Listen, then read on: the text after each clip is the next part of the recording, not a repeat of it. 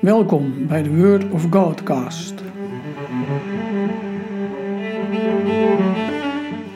Mijn naam is Wim van Wijk. In deze podcast hoor je elke aflevering een meditatie over een Bijbeltekst, afsluitend met een kort gebed. Vandaag maken we de overgang naar een serie meditaties over de christelijke deugden hoop, geloof en liefde. En in het vervolg daarvan over de kardinale deugden. We beginnen met een aflevering over hoop. Ik wijs je daarbij ook op de trek over het anker van de hoop naar aanleiding van Hemelvaartsdag. Wat is hoop? In ons spraakgebruik heeft het te maken met iets wat in de toekomst ligt, maar waar je niet heel zeker over bent. Zo kan een examenkandidaat zeggen: Ik hoop dat ik zal slagen. Daar proef je nog onzekerheid in. Of iemand die ziek is, hoopt op wetenschap. Daar zit een factor van onzekerheid in. Je weet het niet, je doet wel je best. De christelijke hoop heeft een ander karakter. Die is in de grond een geschenk van God. En die is iets waar je niet onzeker over hoeft te zijn. De apostel Paulus schrijft in Romeinen 8, vers 24 en 25: In deze hoop zijn we gered. Als we echter nu al zouden zien waarop we hopen, zou het geen hoop meer zijn. Wie hoopt er nog op wat hij al kan zien? Maar als wij hopen op wat nog niet zichtbaar is, blijven wij in afwachting daarvan volharden. En hij had al eerder geschreven dat de hoop niet beschaamd zal worden. Dat betekent de uitkomst is zeker. Je komt niet verkeerd uit als je op God hoopt. Ik geloof dat we ook goed moeten onderscheiden tussen de hoop van de christen en de hoop die misschien wel in elk mens leeft. Hoop heeft iets weg van optimisme. Je verwacht of je bent ervan overtuigd dat alles goed komt, door eigen inspanning of vaak ook wel vanzelf. Maar die verwachting komt niet altijd uit.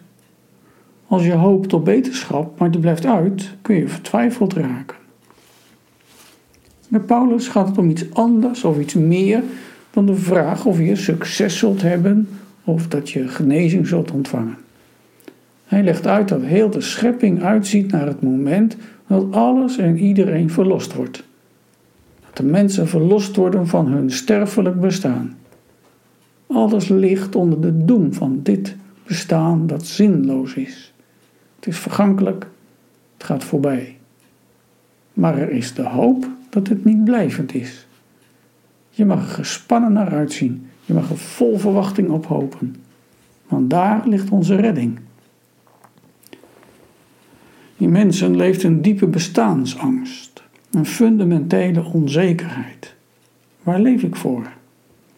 Wat voor zin heeft mijn leven? En daaronder een heel diepe angst. Angst voor ziekte en ten diepste angst voor de dood. En ik denk dat veel mensen aan die angsten voorbij gaan. Dat ze die geen ruimte geven, maar wegduwen en eroverheen leven. De christelijke hoop biedt een antwoord op die fundamentele angsten. Nee, die hoop zegt niet: je zult niet ziek worden, of als je ziek bent, word je wel weer beter. Of jij zult niet sterven. Want je kunt ziek worden. En eens zul je sterven. Maar de hoop van de christen is, ook in de ziekte draagt God mij. Ook in en door de dood ga ik naar mijn God toe. En nog verder vooruitkijkend, we zien uit naar de verlossing en bevrijding van heel de schepping. Hoop geeft kracht aan de mens die onderweg is, onderweg naar Gods grote toekomst. In een vaste verwachting van die heerlijke toekomst. Hoe dat zal zijn, ik zou zeggen, laten we het niet nu al te veel gaan invullen. Niet omdat het tegen zou kunnen vallen, maar omdat het onze verwachtingen verre zal overtreffen. Hopen is, hou vol. Daar kom je niet verkeerd mee uit. Om over na te denken. Wat betekent voor jou de christelijke hoop? En hoe ga jij om met diepe angsten? Gebed. God, met heel uw schepping zien we vol verwachting uit naar uw grote toekomst. Onze hoop is op u gevestigd, door Jezus Christus en de Heilige Geest. Amen.